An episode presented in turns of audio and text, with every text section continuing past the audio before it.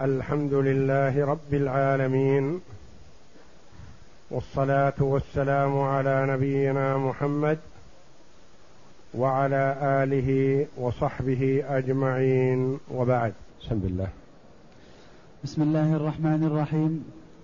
قال المؤلف رحمه الله تعالى الشرط السادس أن يجرح الصيد فإن قتله بخنقه أو صدمته. لم يحل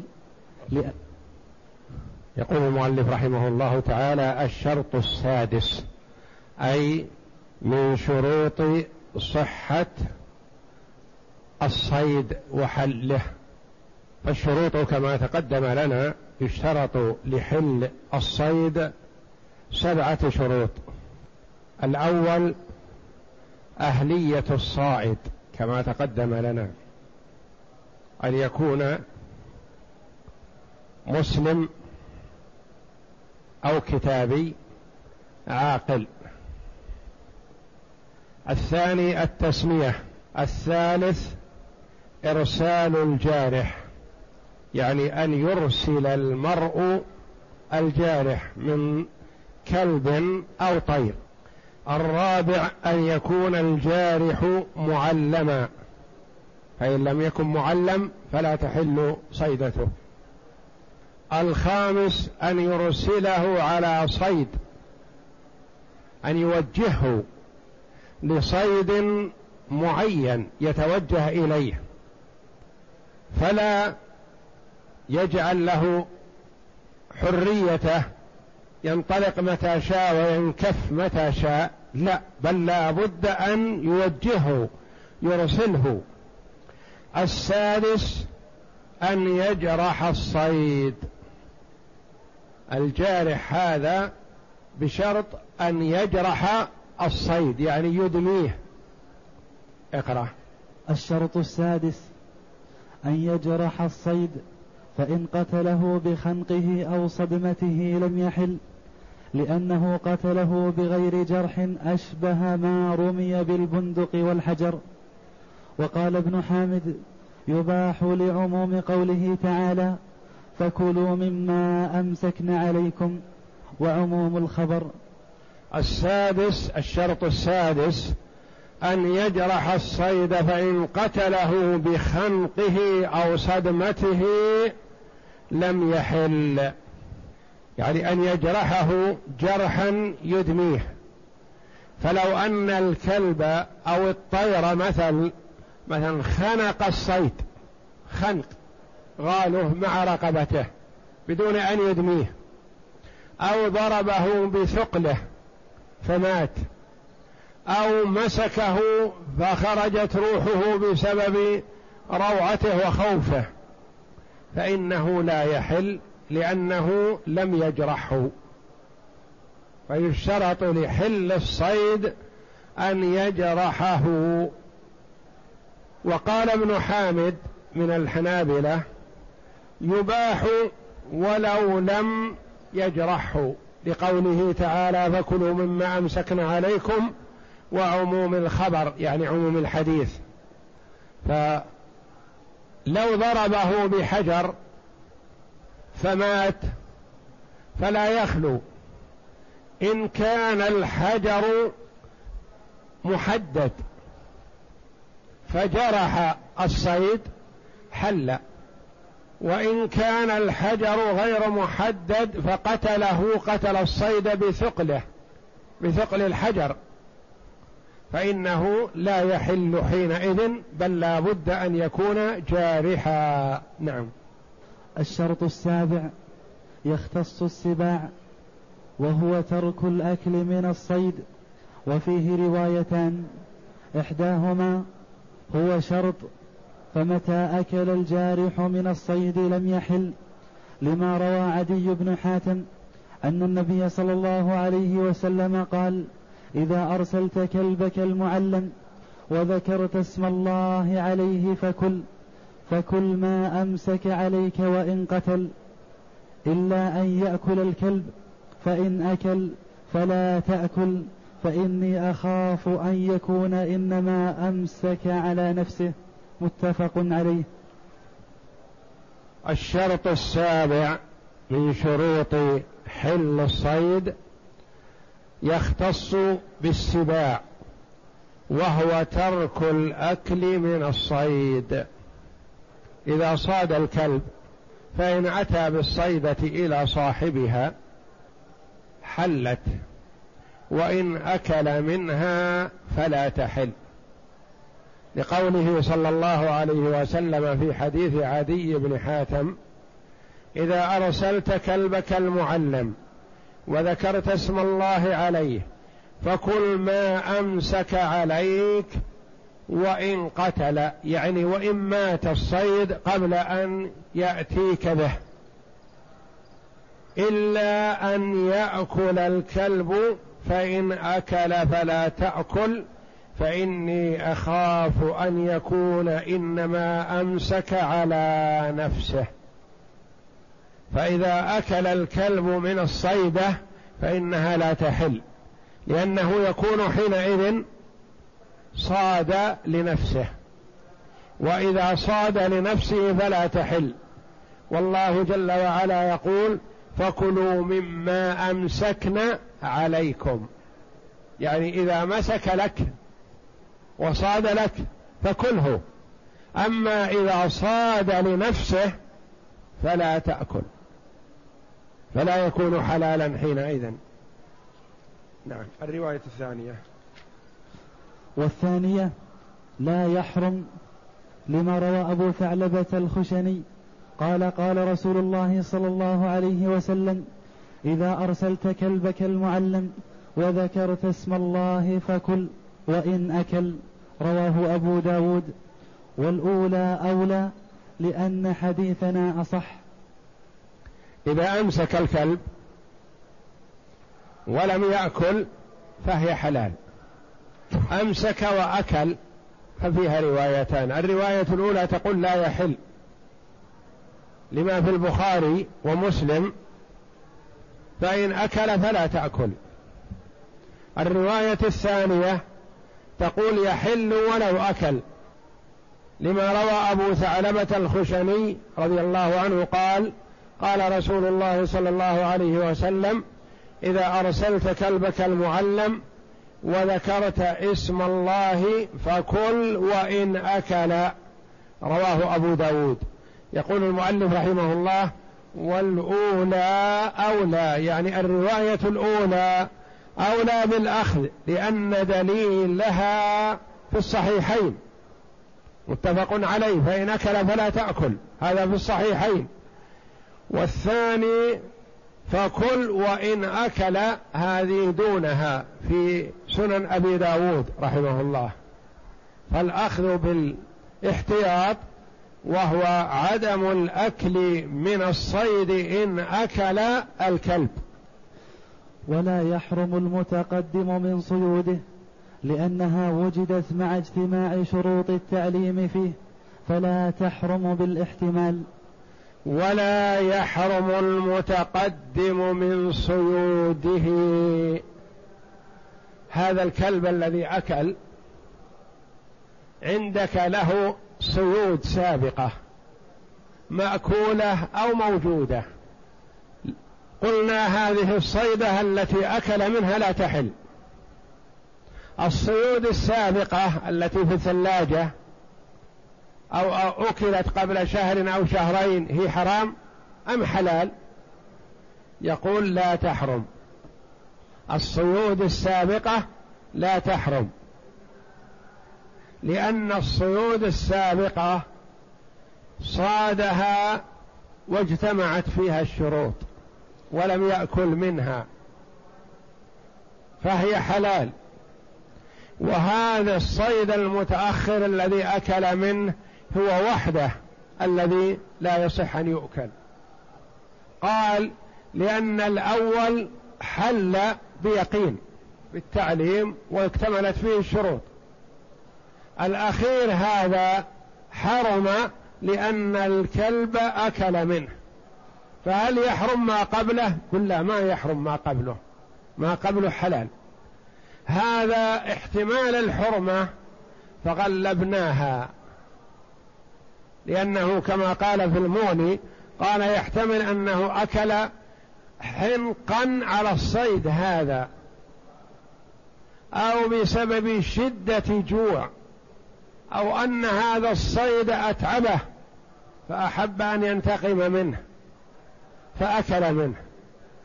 فحرم الأكل مما أكل منه تغليبا لجانب الحرمة احتياطا لما يدخل الإنسان في جوفه يتحرى ويبتعد عما اشتبه.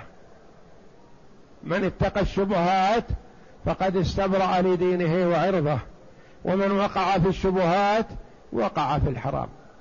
هذا في شبهة بكونه أكل منه فلا يحل. الصيود السابقة. نقول نحن أكلنا مثلا قبل شهر قبل عشرة أيام. صيود لهذا الصيد هل هي حرام؟ نقول لا ليست حرام.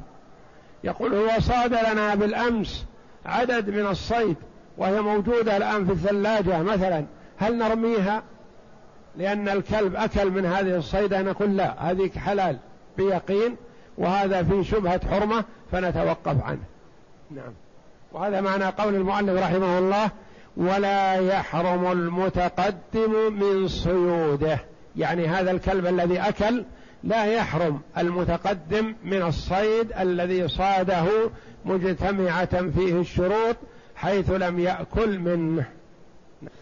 وإن شرب من دم الحيوان لم يحرم رواية واحدة لأنه لم يأكل ولأن الدم لا ينفع الصائد. فلا يخرج بشربه عن أن يكون ممسكا على صائده. وإن شرب من دم الحيوان الذي صاده.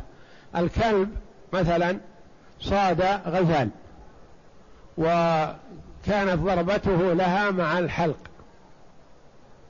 وعضته إياها فسال الدم ففرح بذلك الكلب وبدأ يشرب من دم الغزال. والغزال ما تعرض لها ما أتى ما أكل شيئا من لحمها. هل تحل أو تحرم؟ قال تحل رواية واحدة. لأنه شرب شيئا لا ينتفع به الآدمي. الآدمي ما يستفيد من دم الغزال. فالكلب شرب من دم الغزال فهو فالصيدة حينئذ حلال. لأنه لم يأكل ولأن الدم لا ينفع الصائد.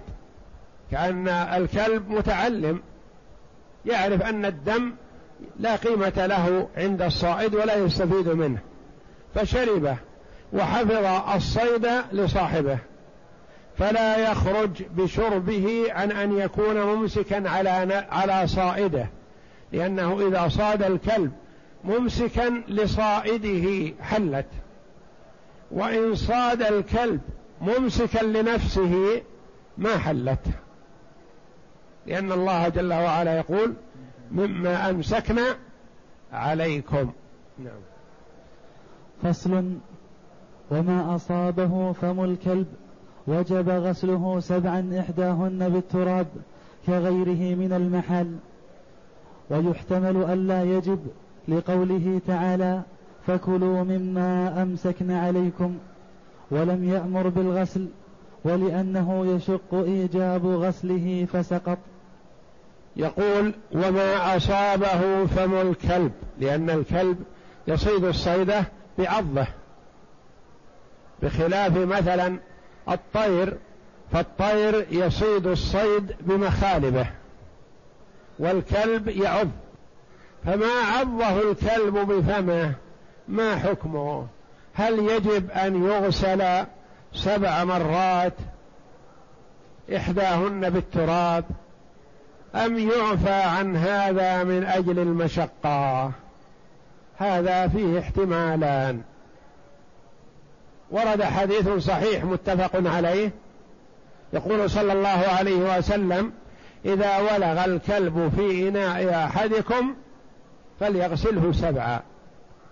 أولاهن بالتراب وفي رواية إحداهن بالتراب وفي رواية أخرى هن بالتراب وفي رواية وعفروه الثامنة بالتراب. روايات متعددة تقدمت لنا في عمدة الأحكام. فالحديث هذا الصحيح يقول اغسلوه سبعا إحداهن بالتراب. واحدة منهن الأولى أو الأخيرة أو واحدة منهن أو الثامنة. هل حكم الصيد كذلك؟ قال فيه احتمالان. يحتمل أن الحكم واحد. ويحتمل أن لا يجب الغسل لأن الله جل وعلا قال فكلوا مما أمسكن عليكم. ولم يأمر جل وعلا بالغسل. والأحاديث التي وردت في الصيد ما ورد شيء منها بغسل ما مسه فم الكلب. والغسل وخاصة بالتراب في اللحم وفي الطير وفي الصيد ونحوه يكون فيه مشقة وربما يكون فيه إفساد للصيد. فاحتمال عدم غسله السبع بالتراب أولى والله أعلم. وإنما يكفي فيه الغسل كما يغسل غيره من النجاسات. فصل ويباح الصيد بغير الحيوان لقول النبي صلى الله عليه وسلم لأبي ثعلبة ما صدت بقوسك وذكرت اسم الله عليه فكل. ولأن أبا قتادة شد على حماره وحشي وحشي. على حمار وحشي فقتله. فقال النبي صلى الله عليه وسلم إنما هي طعمة أطعمكموها الله متفق عليه. فما كان محددا كالسهم والسيف حل ما قتل به إذا اجتمعت الشروط كالمعلم من الجوارح. وما لم يكن محددا كالشباك والإشراك والعصي والحجارة والبندق. فما أدرك ذكاته حل وما لم يدرك ذكاته لم يحل كغير المعلم. لأنه لا يقتل بجرحه فيكون قتيلة منخنقة أو موقوذة منخنقة أو موقوذة. منخنقة أو موقوذة. ويباح من الص... ويباح الصيد بغير الحيوان. وسائل الصيد كثيرة. الكلب بأنواعه والسباع. المعلمة والطيور المتمكنة من الصيد بأنواعها وغيرها كذلك مثل الرمح مثل السيف مثل البندق البندقية الرمي بالبندقية وغير ذلك. فهذه الأشياء لا يخلو. إن إذا صاد بها. ثم أدرك الذكاة فيه فذكاه حل. وإن لم يدرك الذكاة فيه فلا يخلو. إن كان هذه الآلة قتلت وجرحت. جرحت وقتلت. حل. وإن كانت قتلت ولم تجرح وإنما قتلت بثقلها أو قتلت بخنقها أو نحو ذلك فإنها لا تحل. مثلا رأى صيد ولم يكن حوله إلا عمود الخيمة فأخذه. وتبع الصيد وضربه بعمود الخيمة. فغشي على الصيد وسقط. من هذه الضربة الثقيلة. دقائق ثم مات الصيد. نظر الرجل في الصيد ما وجد فيه جرح. لأنه ضربه بوسط عمود الخيمة. ما ضربه بمحدد شوكة أو سكين وإنما ضربه بالثقل فمات. هذا لا يحل. رأى الغزال فركض وراءها ورمى عليها شباك. فتعقدت عليه هذه الشباك وتركها. ظن أنه صاده خلاص انتهى. جاء إلى الغزال بعد نصف ساعة أو كذا وجدها قد ماتت. ما فيها جرح. تلفلف الحبل على رقبتها فخنقها. ما حلت. لأن هذه ماتت بالخنق. رأى غزال فكان معه معراض. خشبة كبيرة في رأسها صيخ حديد على شكل الشوكة. رمى المعراض عليها فدخلت الشوكة في رقبتها أو في صدرها أو في أي مكان من جسمها فجرحتها فسقطت الغزال وماتت. هذه حلال لأنه جرحها. رمى عليها المعراض هذا هكذا. ما جاءها بشوكته وإنما جاءها بثقله. فكسر ظهرها أو كسر رقبتها فتلوت ثم ماتت. ما حلت. لأن المعراض قتلها بثقله ولم يقتلها بمحدد ولا بمدبب على شكل شوكة. وحديث أبي قتادة رضي الله عنه لما شد على حمار وحشي فقتله. فقال النبي صلى الله عليه وسلم إنما هي طعمة اطعمكمها الله. متفق عليه. آه، أبو قتادة رضي الله عنه كان مع جماعة من الصحابة محرمين وهو لم يحرم بعد. فرأى حمار وحشي وهو رؤيا وهو, وهو غافل عنه.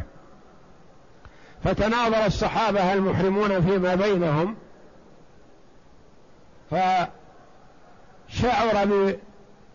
بنظر بعضهم لبعض فالتفت فوجد الحمار الوحشي.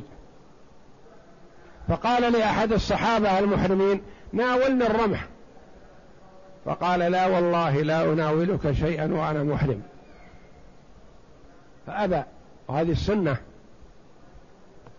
فأخذ رمحه وأسرع إلى هذا الحمار الوحشي وضربه بالرمح وصاده. فجاء به إلى أصحابه وهم محرمون. فقالوا كيف نأكل الصيد ونحن محرمون؟ ما نأكل حتى نستأذن رسول الله صلى الله عليه وسلم. هكذا الصحابة رضي الله عنهم يتحرون. ويتخوفون من الحرام وإلا هم مسافرون ويمكنهم جياع. وفي أشد الحاجة إلى مثل هذا الصيد لكنهم توقفوا. وأبو قتادة رضي الله عنه أراد أن يواسيهم به لكنهم توقفوا. قالوا والله لا حتى نستأذن رسول الله. فقال النبي صلى الله عليه وسلم فاستأذنوا النبي صلى الله عليه وسلم فقال هل أحد منكم أشار أو أعان؟ قالوا لا يا رسول الله. قال إذا فكلوا. فأكل الصحابة رضي الله عنهم. فهو ما صاده بكلب ولا بطير وإنما صاده بيده برمحة. أرسل عليه الرمح فعقره وأتى به لأصحابه. إذا فالصيد يصح بالجارح من كلب أو طير وبغير الجارح كالرمح والسيف والبندقية. لا البندق البندق الحصى هذا لا يحل الصيد به. ونحو ذلك مما يصاد به فالصيد به حلال. أما إذا لم يكن محدد قال كالشباك والأشراك والعصي والحجارة هذه كلها ولو قتل بها الصيد فإنها لا تحل. كما مثلنا في الشباك أو الحبل رماه عليه فعرقله وخنقه برقبته أو ضربه بعصا أو بعمود على ظهره فمات من هذه الضربة ولم يجرح فهذا يعتبر غير حلال لأنه لا يخلو إما أن يكون منخنقة أو موقودة. المنخنقة هي اللي انغارت غيلت بالحبل أو تلفلف عليها الحبل فخنقها هذه لا تحل كما ذكر في آية المائدة. والمنخنقة والموقوذة والموقوذة هي التي ماتت نتيجة الضرب. والمتردية هي التي سقطت من أعلى من جبل أو من أعلى العمارة أو نحو ذلك فماتت. والنطيحة كما تقدم لنا إذا تناطحت اثنتان فضربت إحداهما الأخرى وماتت تعتبر نطيحة فلا تحل. ولو قتل المحدد الصيد بعرضه أو ثقله لم يبح لذلك. ولما روى عدي ولما روى عدي قال سئل رسول الله صلى الله عليه وسلم عن صيد المعراض فقال ما خزق فكل وما قتل بعرضه فهو وقيد فلا تأكل متفق عليه. ولو قتل المحدد الصيد بعرضه أو ثقله.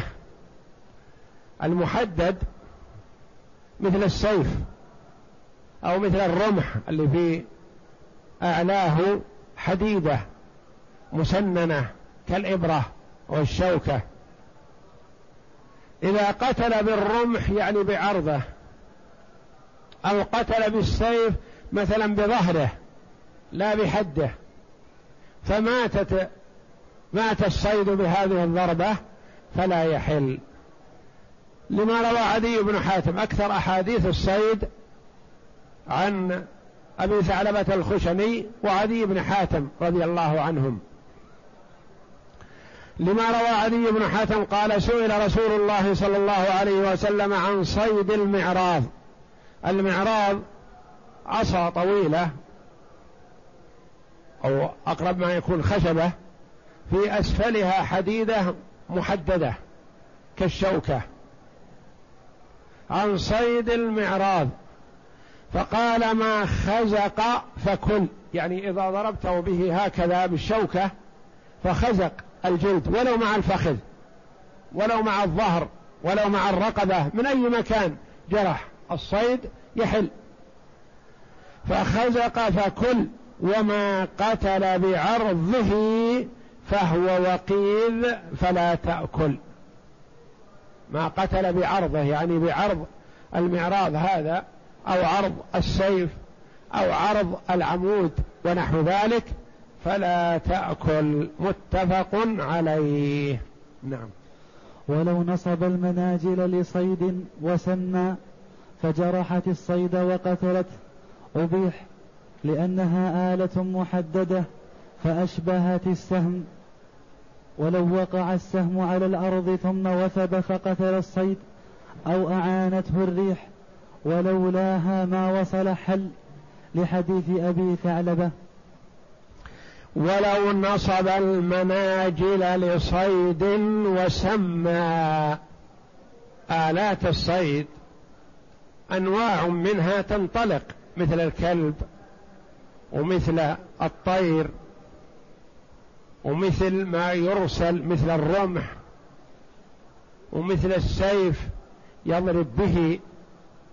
أنواع منها توضع على الأرض توضع في الأرض لصيد ما يمر. هل يحل صيدها أو لا؟ مثل المناجل إذا وضعها هيأها أنها إذا مر بها غزال أو أي نوع من أنواع الصيد مسكته وجرحته. ثم يأتي صاحبه ويخلصه. كما يعرف عند كثير من الناس بكلمة الفخ. الذي يمسك ما يمر به. فلا يخلو هذا. إن كان محدد هذا الذي يمسك من نوع السكين يجرح فصيده حلال. وإن كان من النوع الذي يمسك فقط ولا يجرح. يمسك الصيده ولا يجرحها. فهذا لا يحل. ولو نصب المناجل لصيد وسمى فجرحت الصيد وقتلته بهذا الشرط. جرحت الصيد وقتلته أبيح لأنها آلة محددة فأشبهت السهم. ولو وقع السهم على الأرض ثم وثب فقتل الصيد أو أعانته الريح ولولاها ما وصل حل كذلك. لو أن المرأة أرسل سهمة فالسهم هذا ما وصل إلى الصيدة وإنما سقط دونها. لكن من الأسباب أنه سقط على حجر صلب فقفز قفزة أخرى فصاد بها هل أو أنه كاد أن يسقط فهبت الريح فساعدته. ريح شديدة فساعدته. ورمت السهم هذا على الصيد فقتل. حل. لأن الآلة هذه التي قتلته والرجل الذي صاد الذي أرسل الآلة ويرى بعضهم أن المناجل التي توضع في الأرض للصيد يقول هذه ما صيد بها لا تحل لأنه ما قصد صيدا معينا وما قصد صيده وإنما وضعها تأملا يقول مثل لو وضع سكين في مكان ما فجاءت شاة تتحكك بهذه السكين فقتلتها هل تحل؟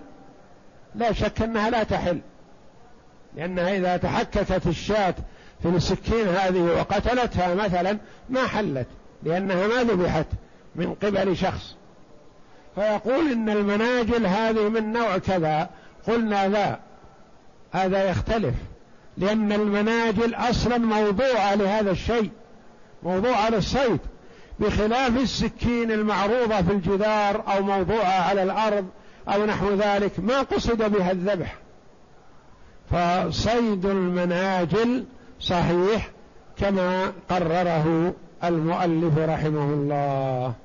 والله أعلم. وصلى الله وسلم وبارك على عبده ورسول نبينا محمد وعلى آله وصحبه أجمعين.